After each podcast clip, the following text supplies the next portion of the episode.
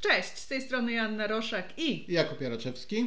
Witamy w następnym odcinku, w najnowszym odcinku po długiej, długiej przerwie podcastu i tu jest ten problem. Wracamy z martwych z całkiem świeżym tematem, mianowicie ostatni wyrok Trybunału Konstytucyjnego Julii Przyłębskiej. Co oni powiedzieli w czasie tego posiedzenia, co to oznacza dla nas, czy to już jest polexit, czy mamy się żegnać z Europą, no i co to też oznacza dla polskich sądów i polskiego prawa. I tak, może zacznijmy sobie od takich podstawowych rzeczy.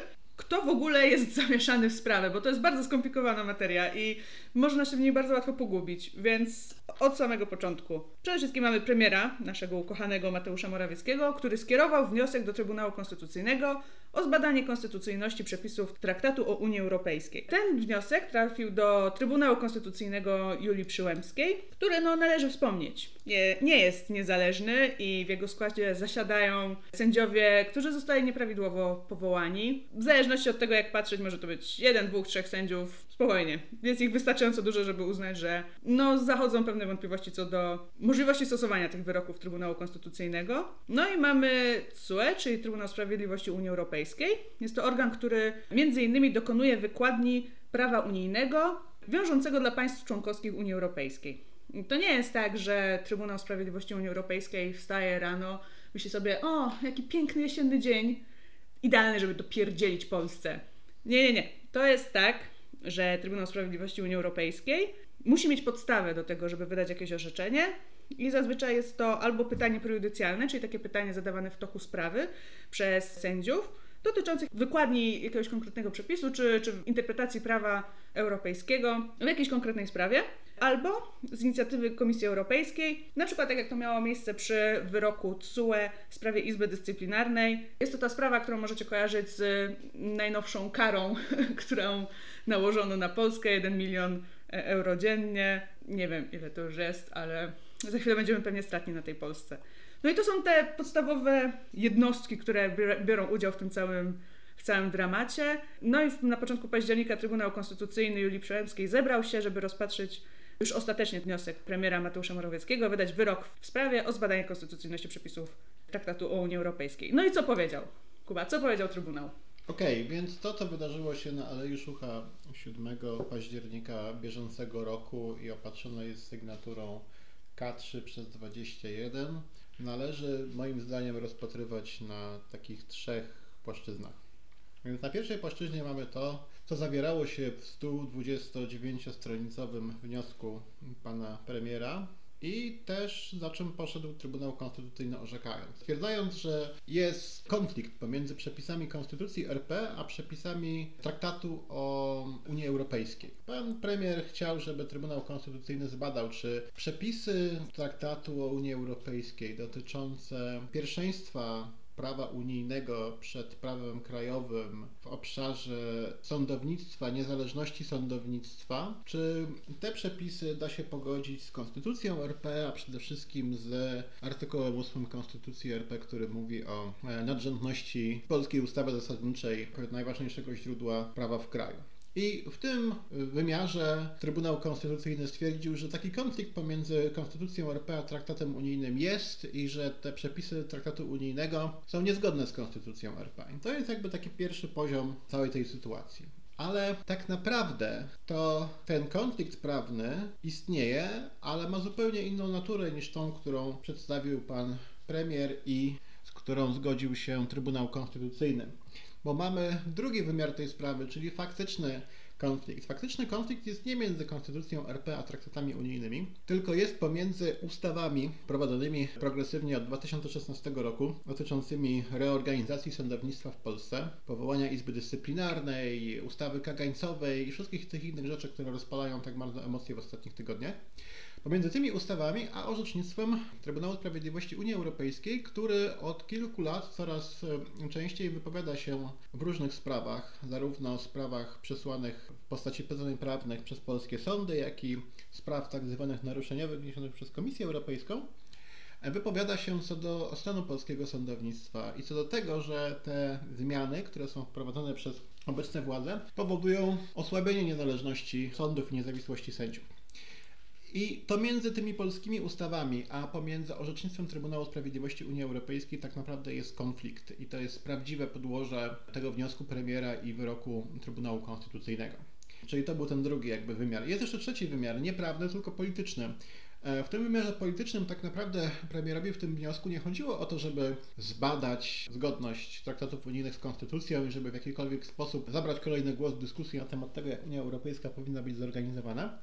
Tylko chodziło mu o to, żeby mieć podkładkę tak naprawdę prawną, udzieloną przez Trybunał Konstytucyjny do ignorowania orzeczeń Trybunału Sprawiedliwości Unii Europejskiej i Trybunał Konstytucyjny dostarczył mu taką podkładkę, dokładnie taką, jaką pan premier chciał, orzekając zgodnie z jego prośbą.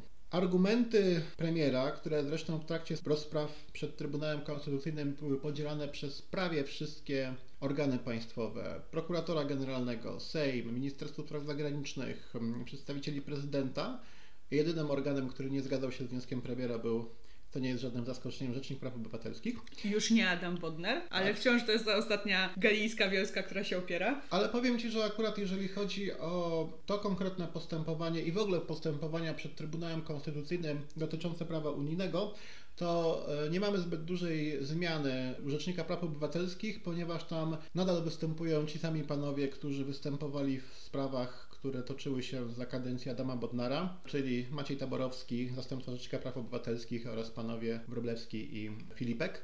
I ich argumenty cały czas są te same, więc tutaj akurat zmiana Rzecznika Praw Obywatelskich nie wniosła jakiejś rewolucji. W każdym razie, co mówili ci wszyscy inni uczestnicy postępowania? Mówili, że w tej sprawie chodzi o zderzenie kompetencji Unii Europejskiej i państw członkowskich i to, że Unia Europejska nie ma kompetencji do tego, aby mówić Polsce, w jaki sposób Polska powinna zorganizować swoje sądownictwo. No tylko, że tutaj e, mamy do czynienia z bardzo błędną interpretacją prawa unijnego przez e, pana premiera i innych uczestników postępowania.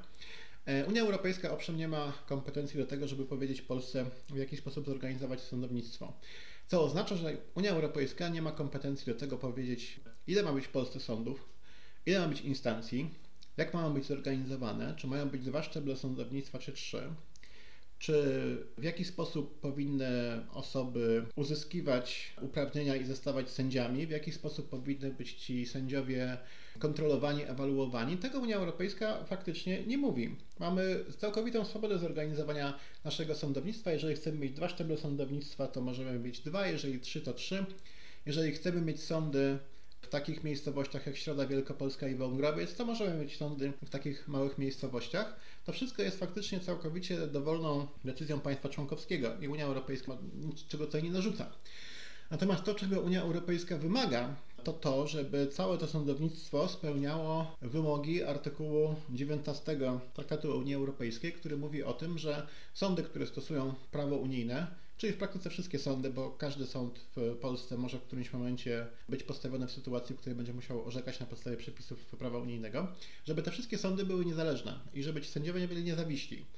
I to jest największy problem, a przedstawiciele naszego rządu cały czas twierdzą, że mamy tutaj jakiś spór kompetencyjny pomiędzy Polską a Unią Europejską. Nie, tego sporu nie ma, ponieważ Unia Europejska nie dyktuje nam, jakiej wielkości powinien być sąd w Środzie Wielkopolskiej, ale wymaga od nas, żeby ci sędziowie, którzy zasiadają w tym sądzie w Środzie Wielkopolskiej, byli e, niezależni i wolni od nacisków ze strony władzy ustawodawczej, wykonawczej czy jakichś innych podmiotów.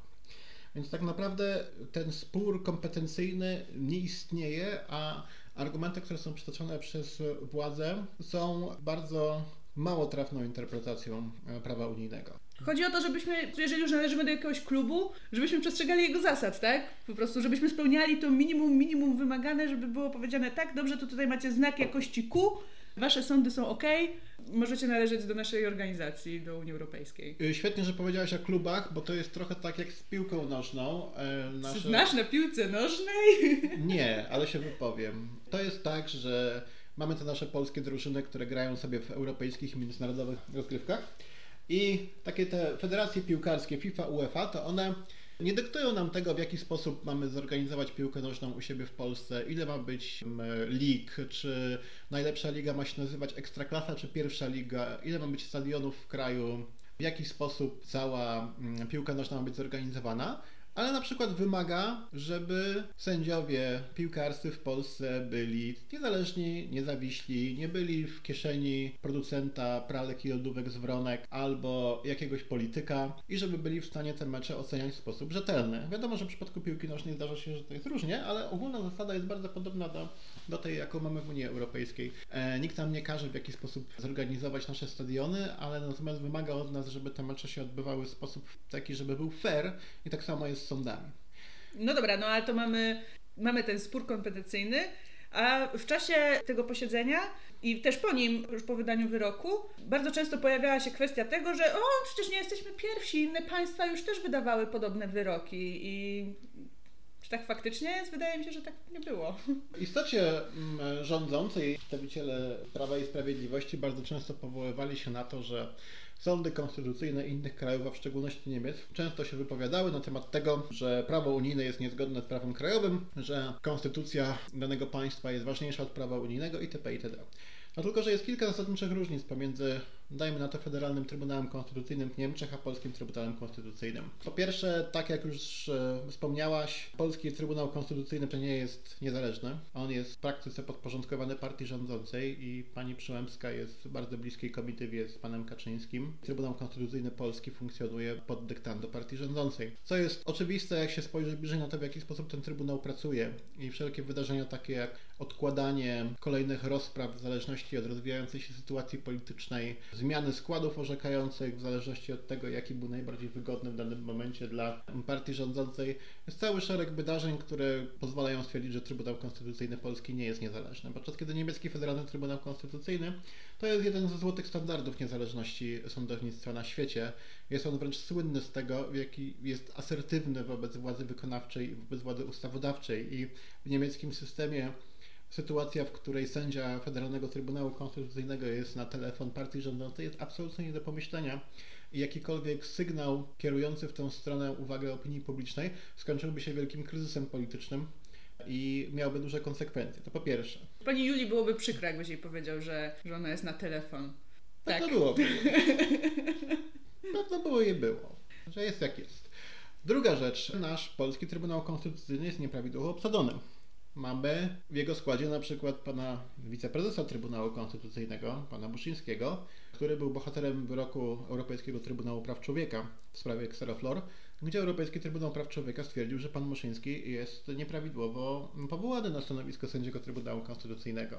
I sprawa, która odbyła się w postępowaniu do skargi konstytucyjnej z jego udziałem, z punktu widzenia Europejskiej Konwencji Praw Człowieka była naruszeniem prawa do sądu, ponieważ pan Muszyński nie powinien zasiadać w Trybunale Konstytucyjnym, gdyż został nieprawidłowo powołany.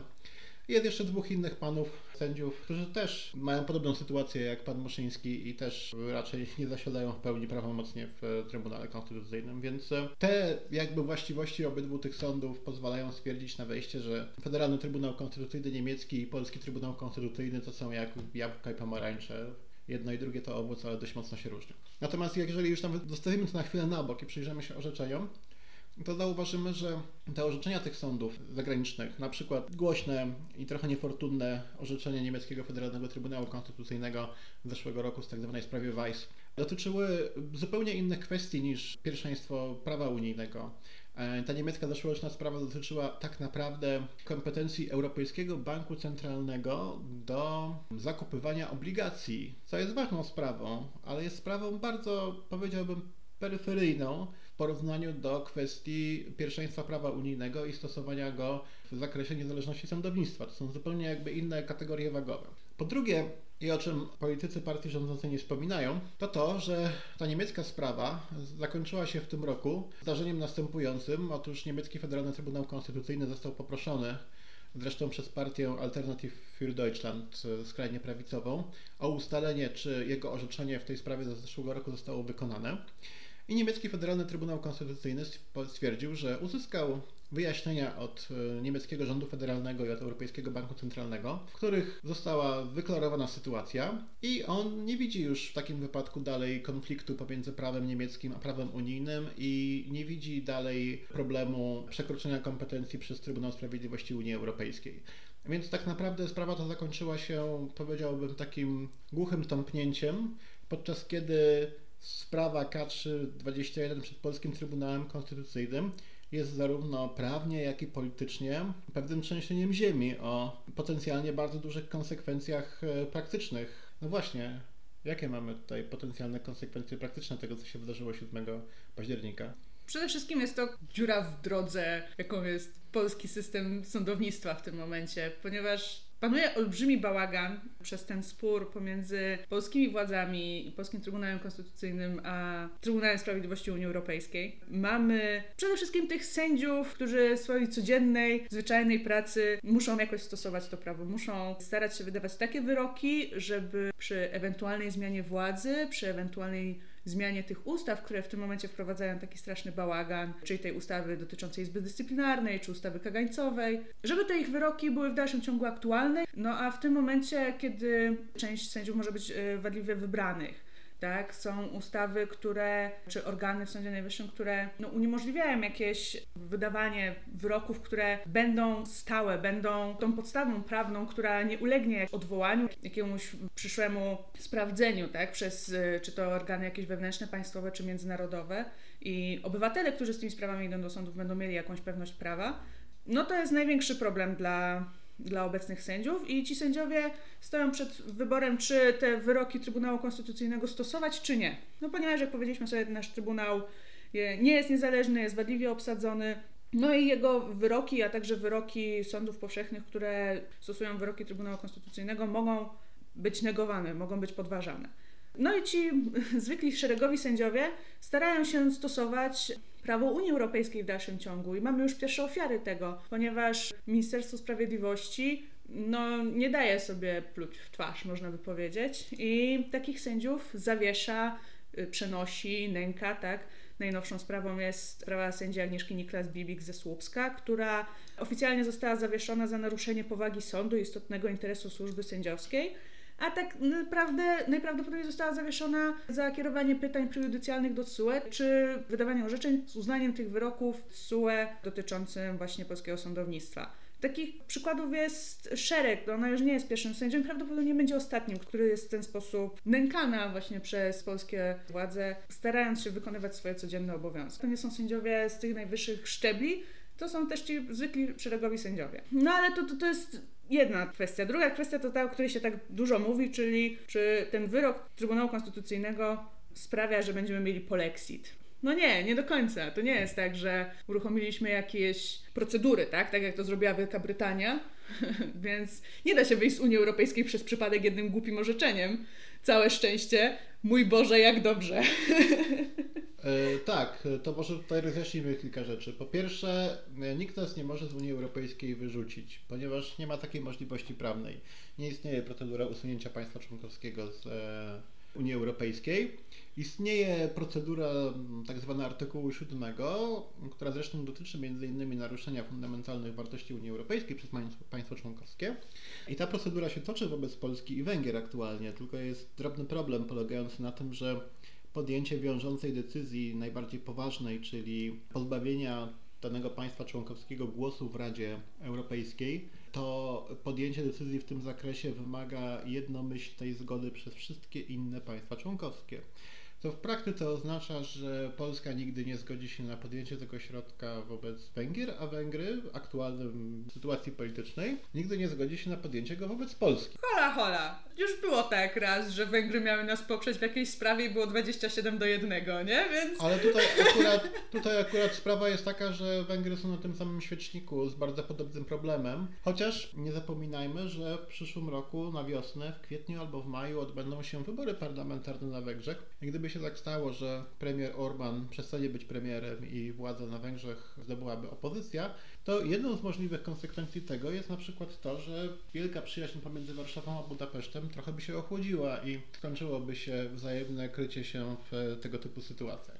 No dobra, no to czyli nie wyjdziemy z Unii Europejskiej, zostajemy w Unii Europejskiej, no ale ten nasz bałagan no, nie jest tylko naszym bałaganem, tak? Nie jest bałaganem na naszym podwórku, on jest z racji tego, że jesteśmy członkiem UE, jest też bałaganem innych krajów trochę i no już teraz dochodzi do tych sytuacji, kiedy sądy z innych krajów niekoniecznie chcą współpracować z polskimi sądami, na przykład w kwestii europejskiego nakazu aresztowania, ponieważ zachodzi, zachodzą pewne wątpliwości, czy, czy Polska jest w stanie spełnić te standardy praworządności właśnie, czy jest właśnie to prawo do sądu, czy te sprawy zostaną prawidłowo rozpatrzone, czy te wyroki się utrzymają. No i w tym momencie sądy same z siebie wstrzymują się, sądy zagraniczne wstrzymują jakąś współpracę tak, z polskimi sądami. No i czy to będzie postępować, jak to może wyglądać dalej? No faktycznie mamy taki problem, bo przed Trybunałem Sprawiedliwości Unii Europejskiej wisi kilka spraw e, wniesionych przez sądy, między innymi holenderskie i irlandzkie, z pytaniem o to, czy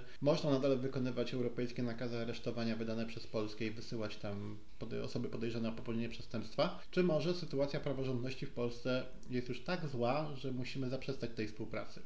Dotychczas Europejski Trybunał Sprawiedliwości był bardzo ostrożny i stwierdzał, że trzeba zawsze spojrzeć indywidualnie na sytuację tej osoby podejrzanej, ustalić, czy faktycznie w Polsce grozi jej nierzetelny proces, jaka jest dokładnie sytuacja i dopiero wtedy, kiedy okaże się, że faktycznie jest niebezpieczeństwo, że ta osoba zostanie potraktowana nieprawidłowo w Polsce, to wtedy odmówić jej wysłania. No ale ta sytuacja w Polsce robi się coraz gorsza, więc może się zdarzyć tak, że na przykład Trybunał Sprawiedliwości Unii Europejskiej się zdenerwuje i stwierdzi, że sytuacja w Polsce doszła już do tego punktu, w którym jedynym wyjściem jest zaprzestanie stosowania europejskiego nakazu aresztowania i wyda wyrok, w którym powie pozostałym państwom członkowskim, żeby wstrzymały współpracę z Polską w tym zakresie, bo sytuacja sądownictwa tam jest już tak zła. Dotyczy ten problem nie tylko kwestii karnych, także w kwestiach finansowych. Coraz więcej zagranicznych inwestorów, e, niemieckich, belgijskich, holenderskich, ale także amerykańskich i brytyjskich, dopytuje się, czy sytuacja w Polsce przypadkiem nie zagraża ich pieniążkom, czy nie zagraża przedsiębiorstwom, w których mają swoje udziały, czy nie zagraża filiom swoich firm. A to jest już bardzo niebezpieczna sytuacja, ponieważ jeżeli ci inwestorzy, dokonując analizy ryzyka inwestycji w kraju, dojdą do wniosku, że Polska jest krajem niebezpiecznym, ponieważ są tutaj problemy z sądownictwem, to wybiorą zamiast nas na przykład przykład tak jak Czechy, gdzie sytuacja sądownictwa jest nieporównywalnie lepsza, czy jakiś inny kraj unijny, w którym nie ma takich problemów. Ta cała sytuacja nam się wydaje, że dotyczy tylko wąskiej grupki sędziów i nie ma jakiegoś wielkiego zasięgu, ale ona może bardzo szybko mieć przełożenie na o wiele szersze grono osób i to nie tylko w kwestiach karnych, ale także w kwestiach cywilnych. A skoro już mówimy o pieniążkach, trzeba też wspomnieć, że ten konflikt nie dotyczy tylko TSUE i Trybunału Konstytucyjnego, czy TSUE i polskiego rządu, ale no też rozlewa się na inne organy, inne aspekty Unii Europejskiej. Mianowicie na przykład teraz wstrzymywane są te pieniądze dla Polski, ponieważ jest to zależne od podporządkowania się wyrokom TSUE. Prawdopodobnie zobaczymy te pieniądze jak świnia niebo, zwłaszcza, że są nakładane kary. Tu jest kilka wątków. Takie dwa najważniejsze to jest to, że po pierwsze na Polskę nałożono karę w wysokości miliona euro dziennie za niewykonanie postanowienia tymczasowego Europejskiego Trybunału Sprawiedliwości z lipca, który nakazywał wstrzymanie działania Izby Dyscyplinarnej oraz zawieszenie stosowania przepisów tzw. Tak ustawy kagańcowej, czyli tej ustawy, która innymi zakazuje polskim sędziom badania, czy inni polscy sędziowie są niezależni e, i niezawiśli. I Europejski Trybunał Sprawiedliwości zażądał, żeby tego przestać. Nie przestaliśmy. No i dostaliśmy teraz milion dziennie euro, co jest rekordową karą, jeżeli chodzi o kwestie związane z praworządnością i sądami. I zobaczymy, jak to dalej pójdzie. Poza tym jest jeszcze kwestia, o której wspominałaś, czyli nasz y, plan odbudowy i rozwoju pokowidowego. Mamy otrzymać 36 miliardów euro, to są dość duże pieniądze. Złożyliśmy nasz plan wykorzystania tych pieniędzy i przedłożyliśmy go Komisji Europejskiej, a Komisja Europejska wstrzymuje się zatwierdzeniem tego planu, stojąc na stanowisku, że w, nie zostały wykonane orzeczenia SUE, że są problemy z praworządnością i dopóki nie otrzyma sygnału, że te problemy są rozwiązywane i że Polska podejmuje jakieś działania w stronę wykonania orzeczeń e, Trybunału Sprawiedliwości, to te pieniądze będą zablokowane. Więc tak naprawdę z każdym dniem przelatują nam przez dłonie pieniądze. I to tylko i wyłącznie dlatego, że mm, nasze władze próbują przejąć kontrolę nad sądownictwem, bo wydaje mi się, że mamy 2021 rok się kończy.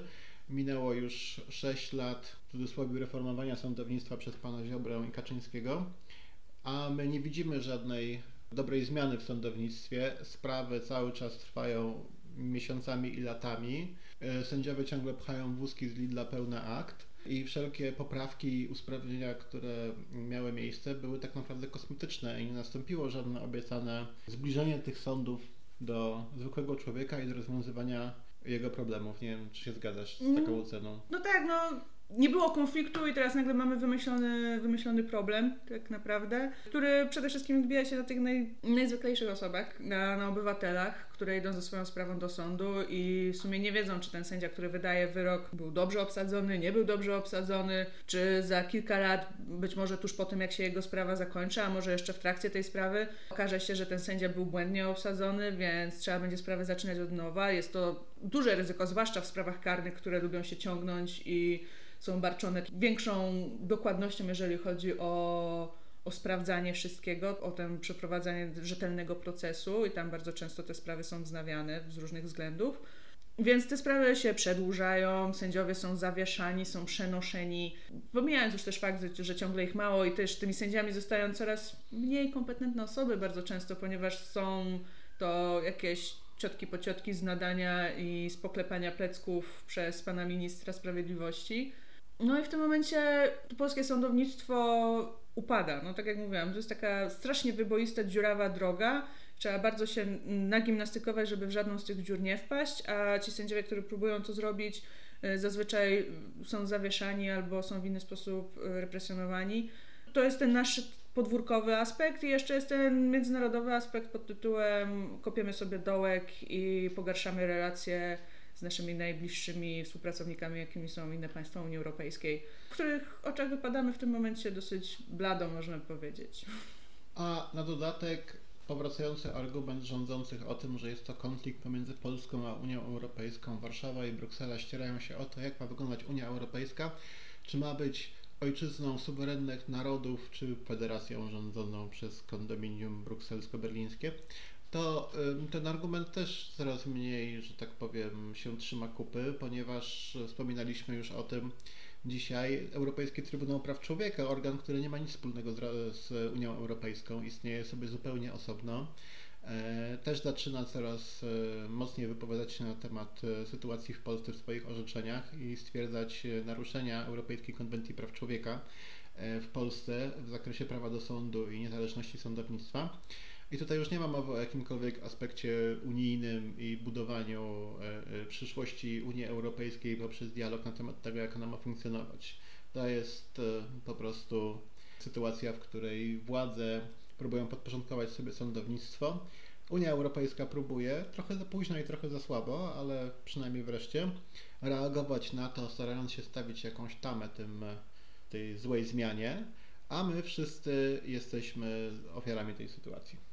No i w najgorszym wypadku grozi nam nawet nie tyle polexit, co zostanie takim martwym członkiem Unii Europejskiej. Nie, nie będziemy dostawać dotacji, ponieważ negujemy tak jakby zasady gry. Być może inne państwa nie będą mogły, czy nie będą chciały z nami współpracować, ponieważ będą zachodziły wątpliwości co do, nie wiem, praworządności, czy stabilności prawa u nas. Także no tu jest ten problem. Tych problemów jest cała masa i ja nie zazdroszczę nikomu, kto dziedziczy tę kuwetę po obecnej partii rządzącej z niezłostania Eugiasza do wysprzątania.